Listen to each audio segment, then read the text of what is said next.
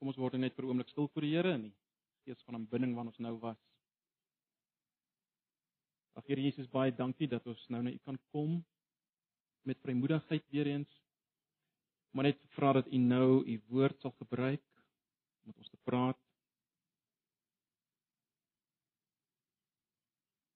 Om vernuwe ons denke. Om verander ons wil. Beweeg ons tot aanbidding van U, Here, ten spyte van wat ons is in onsself. Ons is so bewus van ons ons swakheid, maar ook ons sonde vanoggend. Ons selfgesentreerdheid. Ons gebrek aan liefde. Ek self bring dit voor U, ons bely dit vanoggend en ons vra nou, Here Jesus, dat U sal kom en ons sal praat op 'n wonderlike manier. Baie dankie vir een en elkeen wat vanoggend hier is. Ag Here, as ons om Isak hier sien van die Gina en ons dankie dat dan kan ons iemand net dank dat U ook so goed was vir hulle en herstel gebring het. Ons eer U daarvoor. Dankie vir Dennis en Ritie wat vanoggend hier is en dat U so vir hulle onderneem fisies en geestelik daar in die lang kloof. Ons eer U vir al hierdie dinge. Ons eer U vir die kamp van die naweek. En ons wil maar net bid Here dat U steeds die naprediker sal wees van van die woord wat daar uitgegaan het op verskillende maniere. U sal gebruik om daai stikkende mensies aan te raak en verander. Heel te maak. Asseblief Here. Ons vra dit in Jesus se naam. Amen. Ek gaan volgens net die eerste 6 verse lees van Hebreërs 11.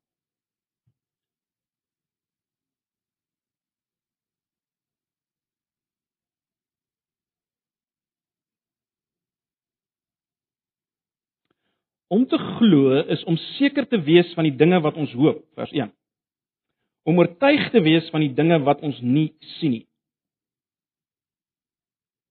Ek wil net die 53 vertaling ook net lees, die wat van julle wat die 53 voor julle het. Die geloof dan is 'n vaste vertroue op die dinge wat ons hoop, 'n bewys van die dinge wat ons nie sien nie. Vers 2. Ek lees nou weer die 83. Dit is immers van wie hulle geloof dat daar oor die mense van die ou tyd met soveel lof getuig is. Omdat ons glo, weet ons dat die wêreld deur die woord van God geskep is. Die sigbare dinge het dus nie ontstaan uit iets wat ons sien nie. Omdat Abel geglo het, het hy 'n beter offer aan God gebring as Kain. Vanweë Abel se geloof het hy van God bevestiging ontvang dat hy 'n opregte man is. Want God het sy offers aangeneem en deur dieselfde geloof spreek hy nou nog al is hy reeds dood. Omdat Henog geglo het, is hy weggeneem sonder dat hy gesterf het en hy was nêrens te vind nie omdat God hom weggeneem het. Van hom word getuig dat hy voordat hy weggeneem is, geleef het soos God dit wou. Hy het God behaag sê die 53 vertaling. Vers 6: As 'n mens nie glo nie, is dit onmoontlik om te doen wat God wil. 53 vertaling is onmoontlik om God te behaag. Wie tot God nader moet glo dat hy bestaan of dat hy is, sê die letterlike vertaling, en dat hy die wat hom soek beloon. Dis in daai eerste 6 verse. Broers en susters, stel julle vir self uh probeer julle vir vir 'n oomblik voorstel ehm uh, dat jy saam met 'n groep vriende op 'n stap toe gaan iewers in Europa uh in die sneeubedekte berge daar, so semi bergklim ekspedisie. En op 'n stadium bereik jy 'n plateau En dan kyk julle vorentoe en julle sien daar is nog 'n groep. Hulle het so ure wat voor julle begin.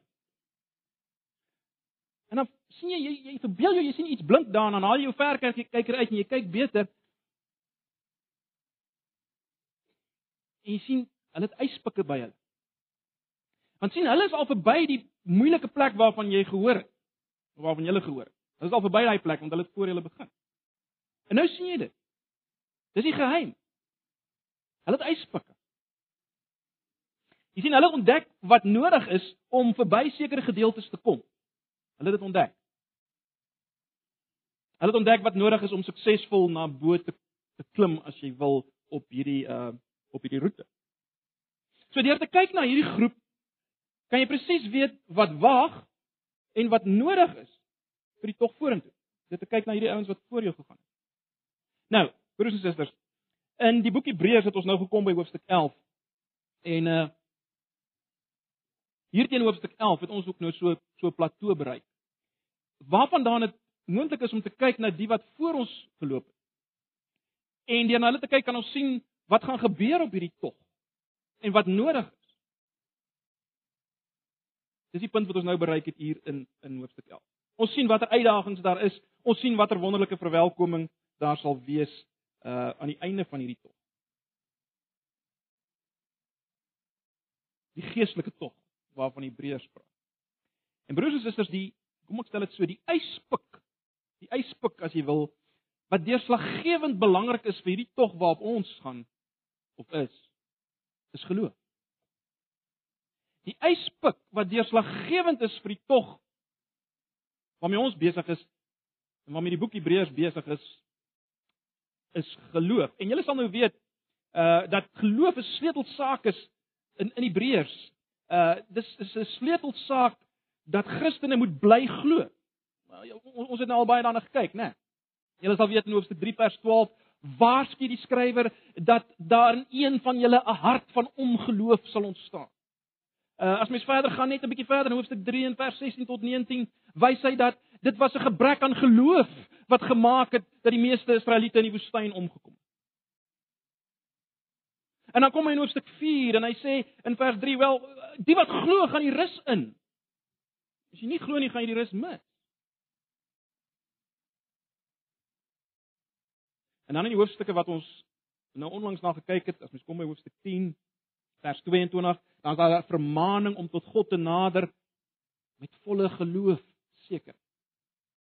En uiteindelik sal julle weet in vers 35 tot 39 van hoofstuk 10 is daar weer 'n oproep om tot die einde toe te bly glo.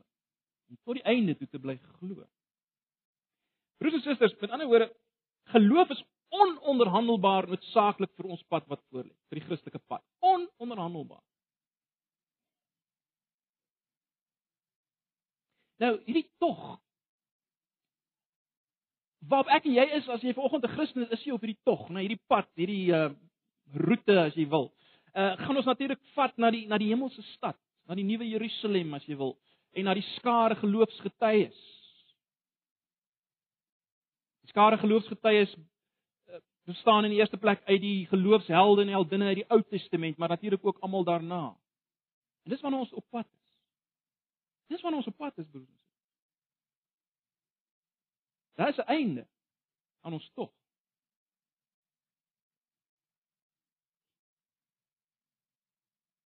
So wat kry ons nou in Hebreërs 11 en verder? Wel, eerstens kry ons twee dinge wat hand aan hand gaan. In die eerste plek kry ons blote beskrywing van geloof self. Want ons het nou gesien hoe belangrik geloof is in Hebreërs. Ons kry 'n beskrywing van wat is dit? En dan in die tweede plek wat daarmee saamgaan, 'n kort geskiedenis as jy wil van God se mense. En veral die kan ek amper sê die groot figure in die Ou Testament. En, en die skrywer wys hoe hoe hoe lyk geloof, hierdie geloof wat hy nou gaan definieer in die eerste twee verse. Hoe lyk hierdie geloof of het hierdie geloof gelyk in hulle lewens? Prakties. So dit wat dis wat ons kry uh hier in hoofstuk 11. As ons dan beweeg na hoofstuk 12, kom ons kyk net vinnig vorentoe. As ons beweeg na hoofstuk 12, uh, dan dan beweeg die skrywer na sy eie tyd en en daar's 'n hoogtepunt in 12 vers 2 as daar 'n oproep is om om die oë te vestig op Jesus, die leidsman en volëinder van ons geloof. Nou nie meer net die ouens in die Ou Testament. En dan is daar 'n oproep vir die lesers om as te ware self in hierdie verhaal van geloof te leef en ons kry dit in hoofstuk 12 vers 4 tot 17. En dan kom hy en hy hy kom wys wat is die doel van hierdie reis? En dis 'n wonderlike gedeeltjie daar in vers 18 tot 24 van hoofstuk 12 as hy praat van die die plek waar ons gekom het. Waarna toe ons op pad. En uiteindelik sê hy wat gaan heel aan die einde gebeur in vers 25 tot 29 van hoofstuk 12. As ons nou hoofstuk 11 en 12 met ander woorde oorkoepelend kyk, is dit interessant om te sien dat dat hoofstuk 11 en 12 vertel die Bybelse verhaal as jy wil, die, die die groot verhaal van die werklikheid vanaf die skepping wat ons al in vers 3 kry van hoofstuk 11 tot die nuwe skepping wat ons kry in vers 28 van hoofstuk 12. Of as jy dit bietjie anders wil stel, dit vertel die verhaal vanaf die ou verbond hoofstuk 11 vers 8 tot 29, dis waar ons baie sien van hierdie ou verbond. En dan gaan die verhaal aan tot by die nuwe verbond. Hoofstuk 12 vers 24. Ag ek weet dit is nou so bietjie bietjie tegnies, maar net dat julle die die groter prentjie sien. Waarna het ons op pad? Wat kry ons in hoofstuk 11 en verder? En hoe pas dit in? Maar baie belangrik vir ons vanoggend broers en susters, as ons 'n naam wil gee vir hierdie verhaal wat begin vanaf die skepping vanaf die ou verbond tot die nuwe verbond. As ons 'n naam wil gee vir hierdie verhaal, wel dis die verhaal van geloof. Dis die verhaal van geloof. Maar wat is hierdie geloof? Wat is hierdie geloof? En dis waarna ons nou gaan kyk. Ons praat baie oor geloof, né? Nee, ons ons gooi maklik die woord rond, maar ek dink tog as mense in 'n winkelsentrum sou stap en jy sal vir ouens vra, "Hoorie, wat sê jy is geloof?" dan gaan jy by elke ou 'n ander antwoord kry. So kom ons kyk want as geloof so noodsaaklik is vir die pad om tot die einde toe te wees op die pad en uiteindelik die einddoel te bereik. As geloof so belangrik is, broers en susters, dan moet ons weet wat is dit? Wat is dit? So kom ons kyk na die eerste vers. Die eerste ding wat ons moet raak sien is die verband wat geloof het met hoop. Het julle dit gesien? Kyk weer na vers 1 in die 83 vertaling. Om te glo is om seker te wees van die dinge wat ons hoop. Om oortuig te wees van die dinge wat ons nie sien nie. Of as jy die 53 vertaling het, die geloof is dan 'n vaste vertroue op die dinge wat ons hoop. 'n Bewys van die dinge wat ons nie sien nie. Nou, wat is hoop? Nou hoop in die Bybel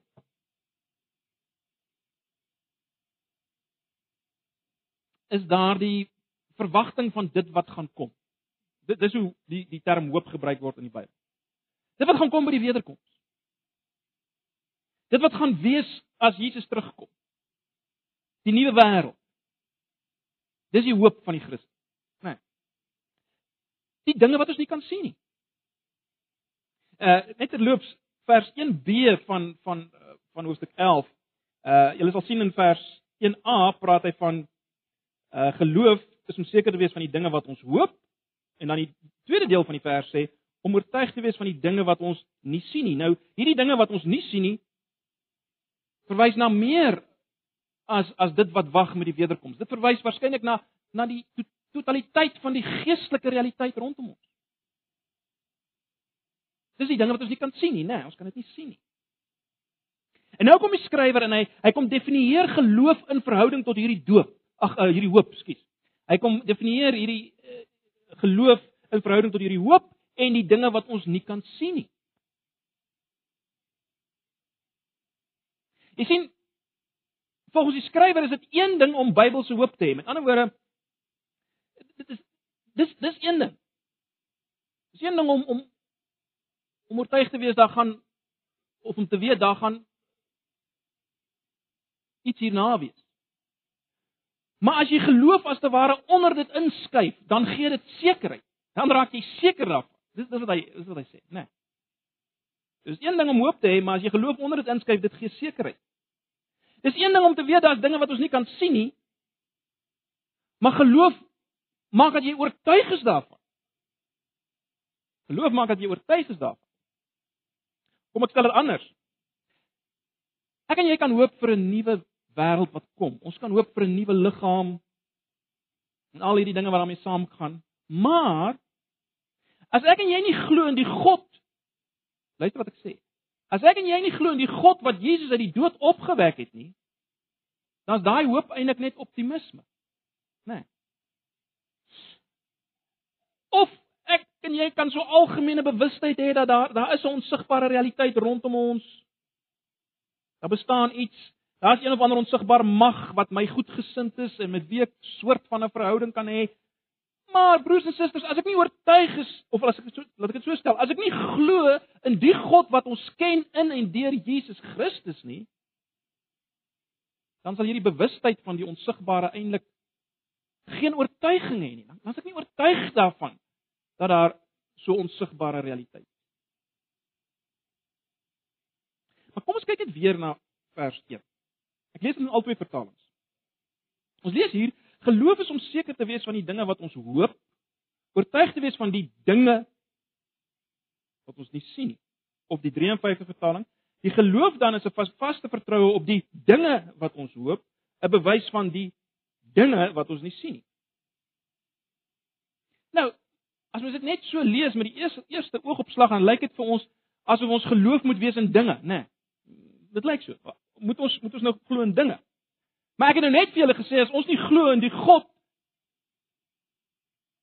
wat in Jesus Christus homself aan ons openbaar het nie, wat ons ken in Jesus nie, wel dan uh is my hoop en en my my my bewustheid van die onsigbare dinge dan is dit nutteloos.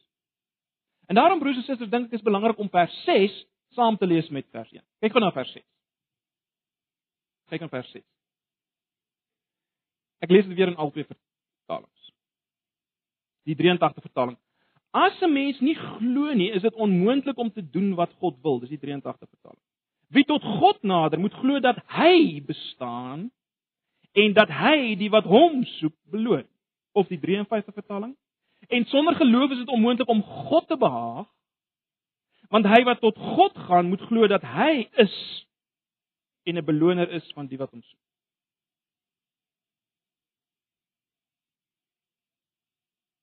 Met ander woorde, wat ons sien hier is dat geloof is die vaste vertroue in God. Dis baie belangrik.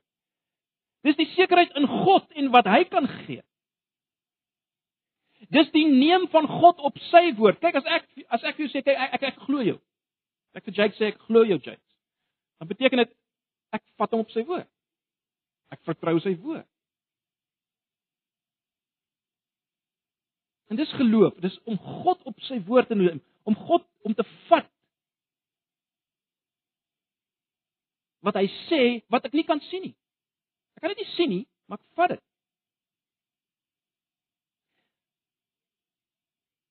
Jy sien, God self is in 'n sekere sin die som totaal van alles wat onsigbaar is, alles waarop ons hoop, alles wat ons nie kan sien nie. God is die som totaal daarvan, is dit nie? God is die som totaal daarvan.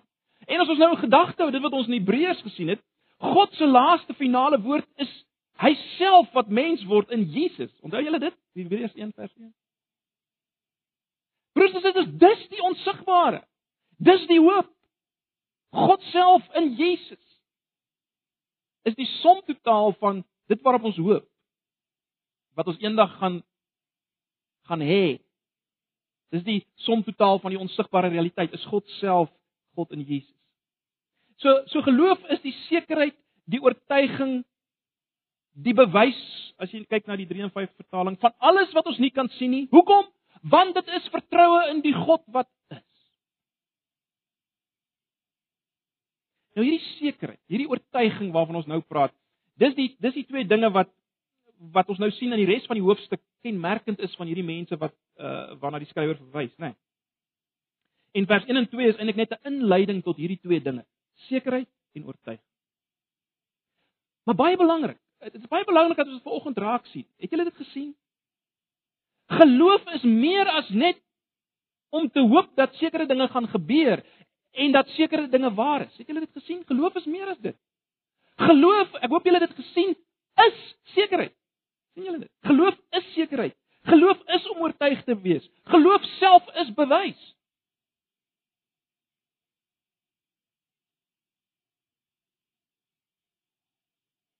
Nou, voordat die skrywer nou gaan kyk na hierdie klomp mense wat hierdie oortuiging en hierdie sekerheid gehad het in die geskiedenis, vat hy ons net gou-gou terug na die skepping sien julle dit? In vers 3. In vers 3 lees ons deur die geloof verstaan ons dat die wêreld deur die woord van God toeberei is. Dis nou die uh, uh 53 vertaling. Sodat die dinge wat gesien word nie ontstaan het uit sienlike dinge nie. Of die 83 vertaling. Omdat ons glo, weet ons dat die wêreld deur die woord van God geskep is. Die sigbare dinge het dus nie ontstaan uit iets wat ons sien nie. Jy sien, God het gepraat en dinge het begin ontstaan volgens Genesis 1 vers 1. Ons lees dit ook in in Psalm 33 vers 6 en vers 9 byvoorbeeld. Met ander woorde, niks het voor die tyd bestaan nie. Met God se woord het lewe ontstaan, het die skepping ontstaan. Maar Dit vat geloof om dit te sien. Jy kan dit nie sien nie. Dit vat geloof om dit te sien. Dit vat geloof om seker te wees daarvan. Geloof in God die Skepper. Geloof in God die Skepper. En terloops, uh dis natuurlik ontsettend belangrik om te glo dat God die Skepper is, want dan alleen maak dit sin dat hy verantwoordelikheid sal neem vir alles wat verkeerd geloop het in hierdie skepping, uh en dat hy dit weer gaan regstel. Dis net as jy glo dat God die Skepper is dat die opstanding sin maak, want want dan dan God die fisiese wêreld lief. En hy gaan dit herstel, hy gaan dit oormaak, hy gaan dit meer heerlik maak as nou. Jy sien, dis baie belangrik. So geloof is die geloof in God die Skepper. Nie net in God die Vader figuur, God die eerste oorsaak. God die Skepper. Maar hier's hier's iets anders onder die oppervlak dink ek tog wat ons moet raak sien broers en susters. As jy hierdie eerste verse lees en jy lees dit weer 'n keer en weer 'n keer, dan sien jy 'n parallel. Kyk 'n bietjie na vers 1 en 3. Kyk 'n bietjie na vers 1 en 3. Ek lees dit weer vir julle. Kom ek lees dit maar net in die 83 vertaling. Kom ons lees net eers vers 1. Om te glo is om seker te wees van die dinge wat ons hoop, om oortuig te wees van die dinge wat ons nie sien nie. Kyk nou na vers 3. Omdat ons glo, weet ons dat die wêreld deur die woord van God geskep is. Die sigbare dinge het dus nie ontstaan uit wat ons sien nie. Dis 'n interessante parallel. Hoe meer ek dit gelees het, hoe meer het ek aan gedink. Dit lyk vir my wat die skrywer wil hê ons moet sien is dit: as jy glo, vind daar as te ware plaas wat by die skepping plaasgevind het, naamlik iets kom tot stand uit wat jy nie kan sien nie. Kyk, by die skepping het iets tot stand gekom uit wat jy nie kan sien nie. By geloof werk dit sodat iets kom tot stand uit wat jy nie kan sien nie. Wat kom tot stand? Sekerheid kom tot stand. Oortuiging kom tot stand uit wat jy nie kan sien nie. Dis net dit wat tot stand kom is net so seker soos die skepping, maar ook net so 'n wonder soos die skepping, broers en susters. Net so 'n wonder. Hierdie oortuiging, hierdie sekerheid in die hoop en en en die oortuiging van die onsigbare omdat daar 'n vertroue is in God. Dis 'n wonderwerk. Gelyk staan aan die skepping. Jy kan dit nie heeltemal verklaar nie. Maar dis geloof. Dis geloof. Dis geloof. Maar nou gaan die skrywer en hy hy gaan nou na die geskiedenis toe. Dis asof hy amper wil sê, kyk, ons moenie te filosofies hieroor raak nie. Kom ons gaan bietjie na die praktyk. Kom ons kyk hoe lyk hierdie geloof in historiese mense. En die eerste twee ouens waarna hy verwys kom uit Genesis 4 en 5. Abel, die eerste slagoffer van moord.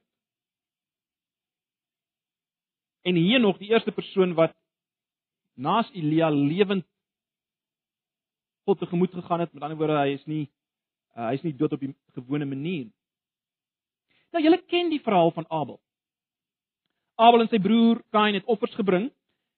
En dit is interessant as jy kyk na Genesis 4 vers 3 en 4 dan dan sê die teks dat Abel letterlik van die eerste eerstelinge van die lammers gebring het. Dit beteken hy het hy die mees waardevolste, die beste lammers gebring. Dis dis wat van Abel gesê word. Van Kain lees ons bloot dat hy die opbrengs van sy land gebring het. Die opbrengs van sy land. En ons lees dat God Abel se offer aanvaar het en nie Kain se nie en dit lei natuurlik aan tot die moord van Abel. Abel word vermoor deur Kain. Wat is die belangrike ding wat ons hier moet sien volgens Hebreërs? Volgens Hebreërs is Abel se offer aanvaar omdat dit deur geloof gebring. Dis wat die skrywer wil wys. Met ander woorde, geloof het gemaak dat Abel 'n beter offer gebring het as Kain, of as jy dit anders wil stel, geloof het gewys in die beter offer wat hy gebring het. Om dit alles te stel in die lig van wat ons nou gesien het van geloof, kan ons sê die oortuiging en die sekerheid van wat hy nie kon sien nie, die oortuiging en sekerheid van God het gemaak dat Abel 'n beter offer gebring het as Kain. En dan sien ons verder hier dat God het Abel beloon, né? Hy het sy geloof beloon en die beloninge daarin ontstaan uh bestaan het daaruit bestaan dat dat dat God vir hom basies gesê het of bevestiging gegee het dat hy deur die geloof in die regte verhouding met God staan. Die 53 vertaling praat van geregverdig is deur geloof. Maar God beloon in 'n sin volgens die skrywer Abel se geloof nou nog. Vanoggend as ons praat van Abel se geloof is dit nog 'n manier hoe God steeds vir Abel beloon. Dis wat hy sê. En dit bring ons by die tweede figuur Henog. Van Henog weet ons nie veel nie behalwe dat Genesis 5 vers 24 sê dat hy met God gewandel het. Die skrywer hier in die Hebreërbrief uh sê dat hy geleef het soos God dit wou hê. Hy het God behaag. God was gelukkig met hom. Maar wat was die rede? Geloof. Omdat hy oortuig was van die onsigbare. En God beloon hom natuurlik ook. En sy beloning is dat hy weggeneem is, lewend weggeneem is na God. En dan kom die skrywer in vers 6 en hy hy maak 'n gevolgtrekking in die lig van wat hy nou gesê het in in uh in die verwysing na Abel en Henog. En wat sê hy in vers 6? Kom ons lees net vers 6 in beide vertalings. En eers die 53 vertaling. En sonder geloof is dit onmoontlik om God te behaag. Want hy wat tot God gaan moet glo dat hy is en 'n beloner is van die wat hom soek. Of die 83 vertaling. As 'n mens nie glo nie, is dit onmoontlik om te doen wat God wil. Wie tot God nader moet glo dat hy bestaan en dat hy die wat hom soek beloon. Wat is die punt hier broers en susters? Die punt is dit: ek en jy kan nie eers begin om te doen wat God wil, om God te aanbid, om God gelukkig te maak as as as daar nie geloof is. Daar is nie manier nie. Dis onmoontlik. Dis onmoontlik om dit te doen as jy nie glo. As daar nie geloof is. As daar nie geloof is, is dit onmoontlik. Ons moet dit vanoggend vat, die die absolute noodsaaklikheid van geloof. Dit is onmoontlik om God te behaag. Dit is onmoontlik om God gelukkig te maak. Die enigste manier hoe jy God kan gelukkig maak is as jy dit vat, dit glo, oortuig is dat hy is en dat hy 'n beloner is van die wat hom soek. Ons het gesien hoe hy Abel beloon het en hoe hy Henog beloon. Nou wat die skrywer verder in Hebreërs 11 doen is om nou nog voorbeelde te vat. Nog ouens uit die geskiedenis te vat waar ons sien dat hierdie definisie van geloof sigbaar word by hulle. Nee, dis wat hy doen. Maar ek wil hê ons moet vanoggend net bly staan by hierdie eerste paar verse tot by vers 6, nee, en die eerste twee voorbeelde. Kom ons kom ons kom ons herkou dit net so 'n bietjie. Eerstens, ek gaan 'n paar opmerkings maak en en afleidings maak van geloof in die lig hiervan en dan dan gaan ons net mekaar vra maar hoe ontstaan hierdie geloof? So dis wat ons nou gou gaan doen. Net 'n paar stellings omtrent geloof. En ek gaan nie lank hierop uitbrei nie. In die eerste plek dink ek wat ons moet raak sien hier in Hebreërs weer eens is dat geloof is nie net iets wat ek moet hê om 'n Christen te word. Natuurlik.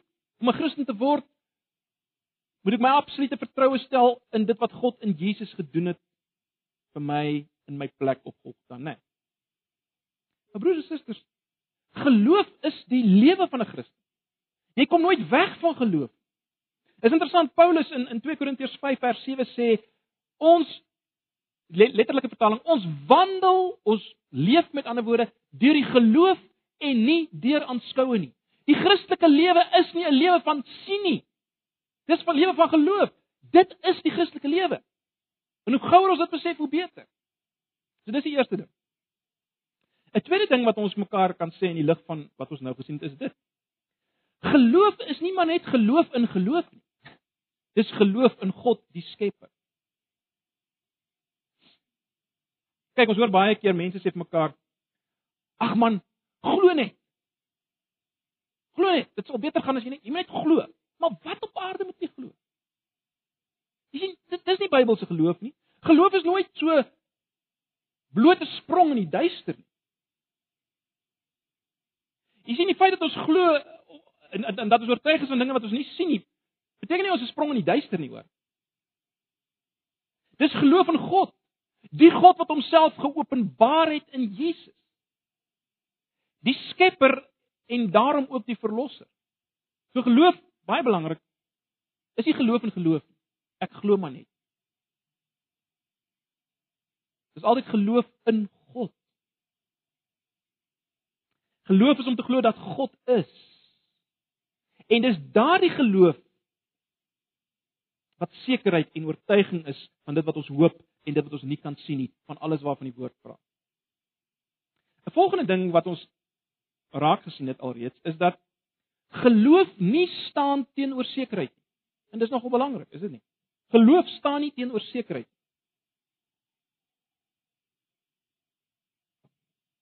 Ek dink daar's 'n redelike algemene opvatting daar buite dat uh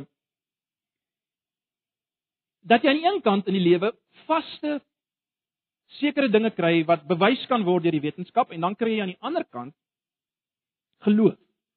Dis hierdie naïewe sprong in die duister wat eintlik gelyk is aan onsekerheid. Dit dis die siening in die wêreld. So die die die ouens wil ons laat verstaan dat jy kan of jou lewe bou op die sekerheid, met ander woorde die dinge wat gesien kan word en bewys kan word, of jy kan jou lewe bou op die onsekerheid van geloof.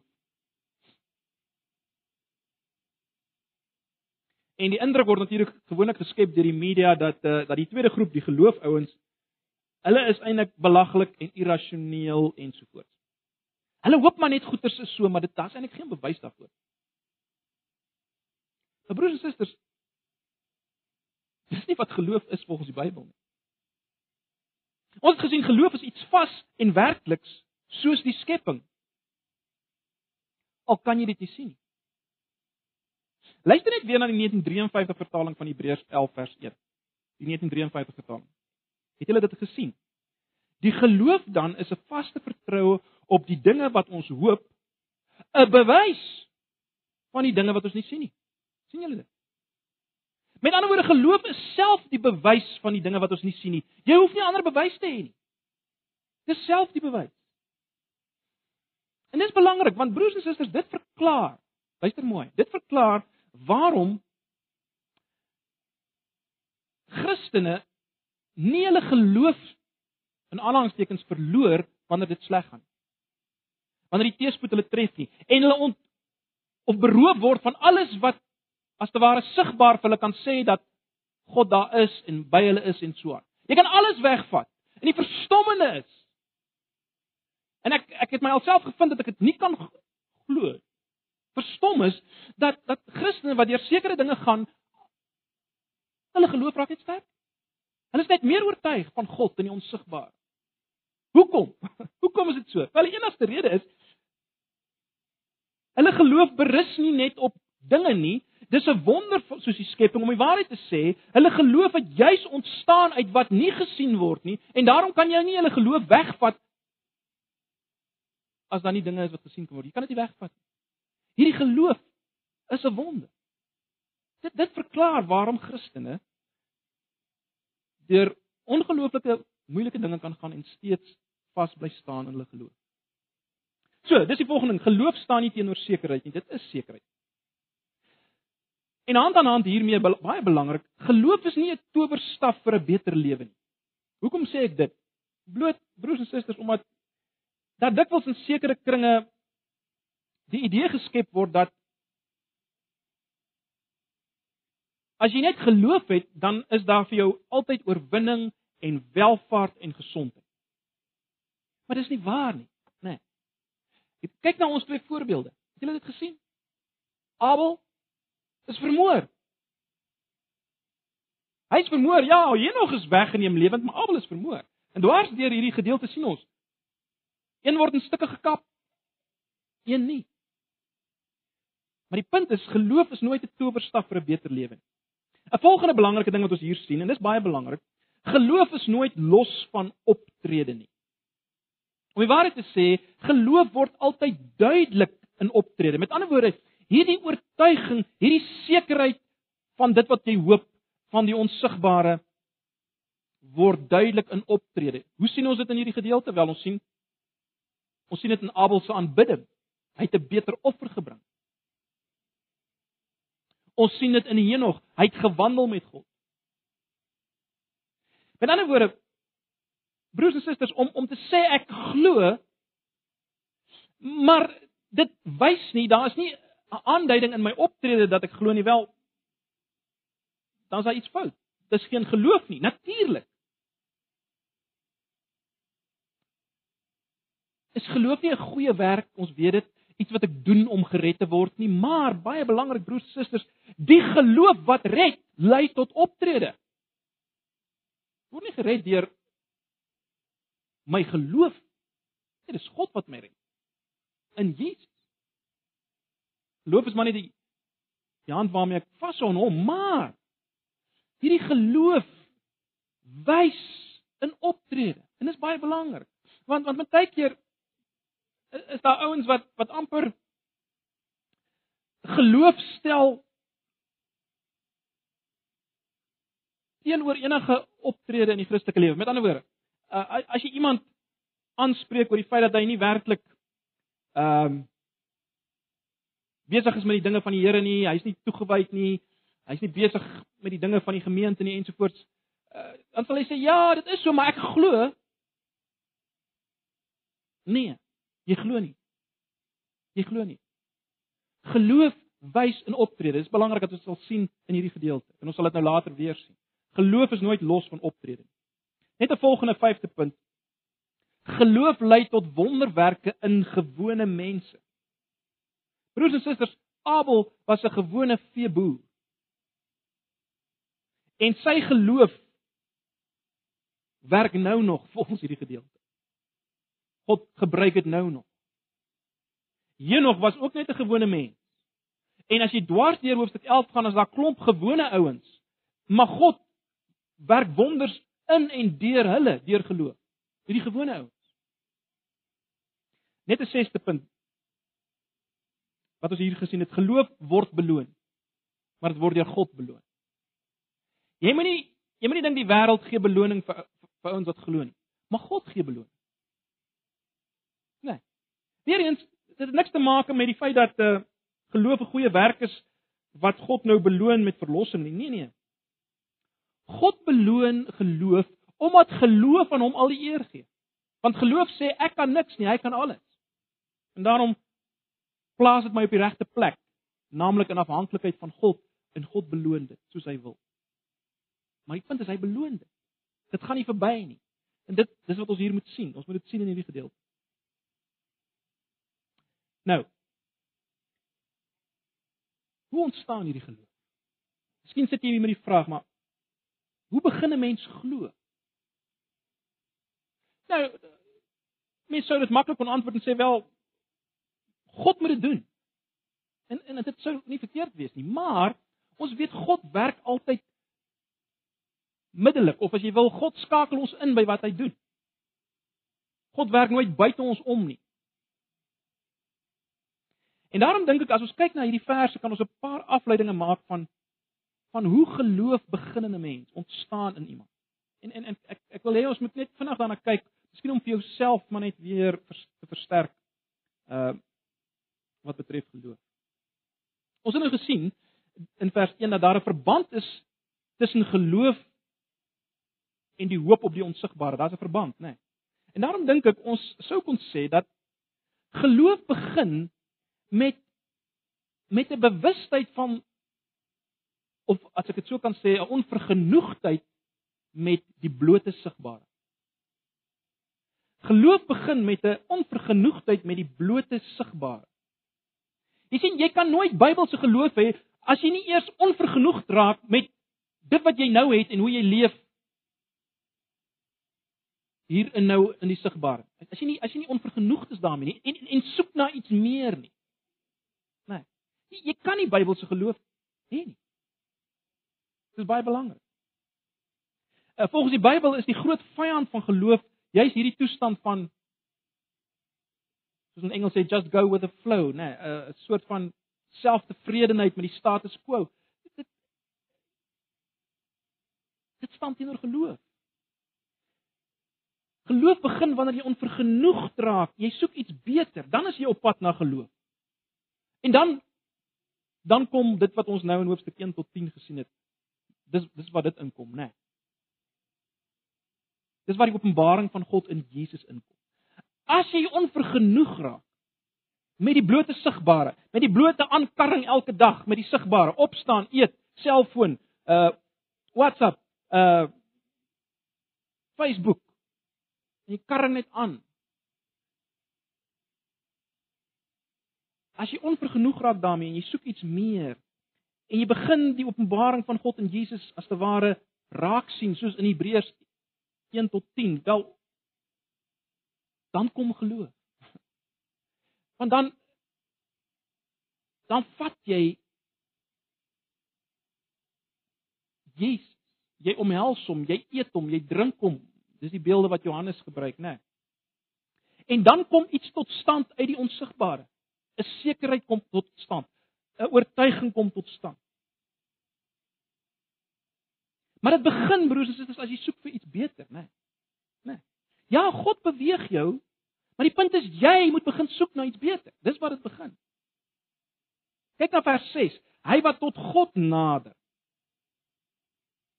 So jy begin soek na iets meer en dan begin jy God raak sien soos hy hom openbaar het in Jesus. Ek dink Romeine 10 vers 17 vat dit mooi saam. Kyk 'n bietjie na Romeine 10 vers 17. Jy kan dit op uh, naslaan of of jy kan net luister.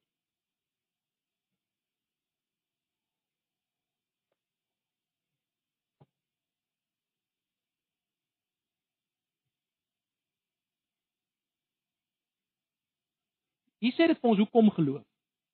As jy wonder hoekom geloof, hier is dit. Vers 17. Die geloof kom dus deur die prediking wat 'n mens hoor en die prediking wat ons hoor is die verkondiging van Christus.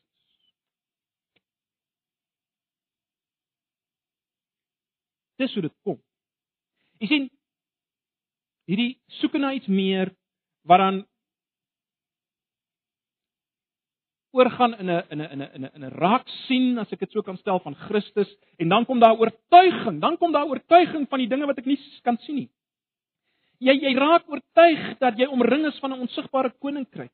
Jy raak oortuig daarvan dat wat gesien kan word nie die hele verduideliking van die lewe is nie. Jy besef al meer daar's realiteite wat nie gesien kan word nie, wat nie geweeg kan word nie, wat nie geanaliseer kan word nie, wat nie aangeraak kan word nie, maar is absoluut seker en werklik soos enige ding wat jy kan sien. Om die waarheid te sê, dis meer werklik want dis die verduideliking van die dinge wat ons sien. En dis geloof. Dis geloof. Ag broers en susters. Dis iets van hoe geloof ontstaan.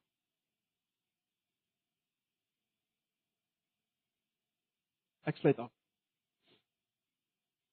Het jy geloof vanoggend? Is jy 'n man of vrou of kind van geloof? Is jy oortuig van die dinge wat jy hoop van die onsigbare? Omdat jy oortuig is dat God is. Dat hy die skepper is.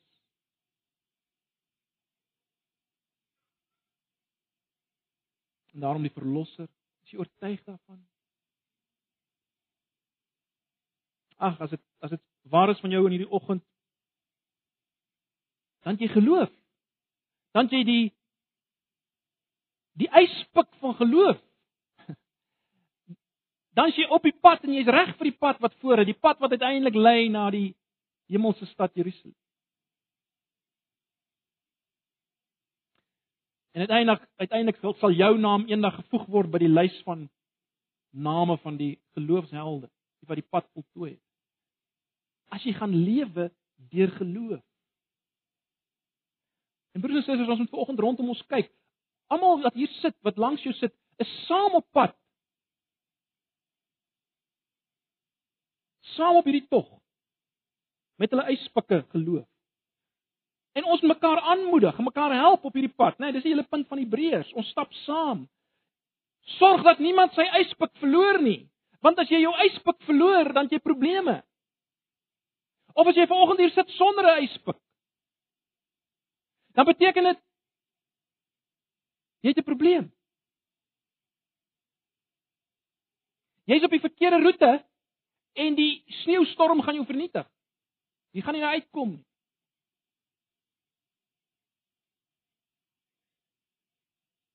En as dit jou posisie is, is dit so belangrik in die lig van al Romeine 10. Dit is so belangrik dat jy jouself sal blootstel aan die prediking van Christus. Want geloof kom deur die hoor van wat God in Jesus gedoen het. Die wonder van geloof. Hierdie sekerheid, hierdie oortuiging van dit wat ons hoop, van wat ons nie kan sien. Ag, broers en susters, my my gebed is dat uh dat elkeen van ons wat elkeen van die van ons wat hier sit, dat ons ons sal verheug oor dit wat ons het, die uitspik van geloof. Dis 'n wonder. En dis noodsaaklik. Daar's geen Christelike lewe sonder geloof nie. Mag die Here vir ons versterk uh, deur sy woord. Mag julle geloof versterk word deur deur die selgroepe uh as ons kyk na wat wie Jesus is en wat hy gedoen het. Want sonder geloof kan ons God nie gelukkig maak. Jy vanoggend hier sit en jy jy, jy begeer om God gelukkig te maak. Hoe maak jy God gelukkig? Nie deur meer te bid nie. Deur geloof. Want jy sien, as jy het, sal jy bid. nie deur enigiets wat jy kan doen nie. Deur geloof. Want dan sal jy doen wat hom behaag. Ag, mag die Here ons uh, ons oë daarvoor oopmaak en dat ons osself daarin sal verbly. Kom ons sluit af. Here baie dankie vir die woord. Uh Ons dankie vir geloof vanoggend. Ons dankie vir hierdie wonderlike yspik wat U vir ons gee sodat ons die tog kan voltooi.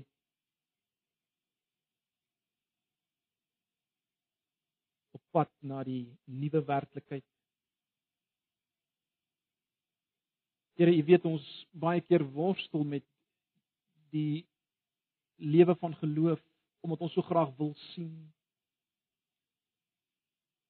Maar ag, wil u gee dat ons vanoggend sal berus in dit wat u vir ons gee, naamlik geloof.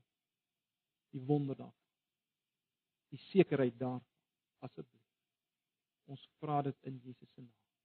Mag nou die genade van ons Here Jesus en die liefde van God en die gemeenskap van sy Gees met julle wees en bly hierdie dag en die dag wat voor lê as jy gaan leef deur geloof.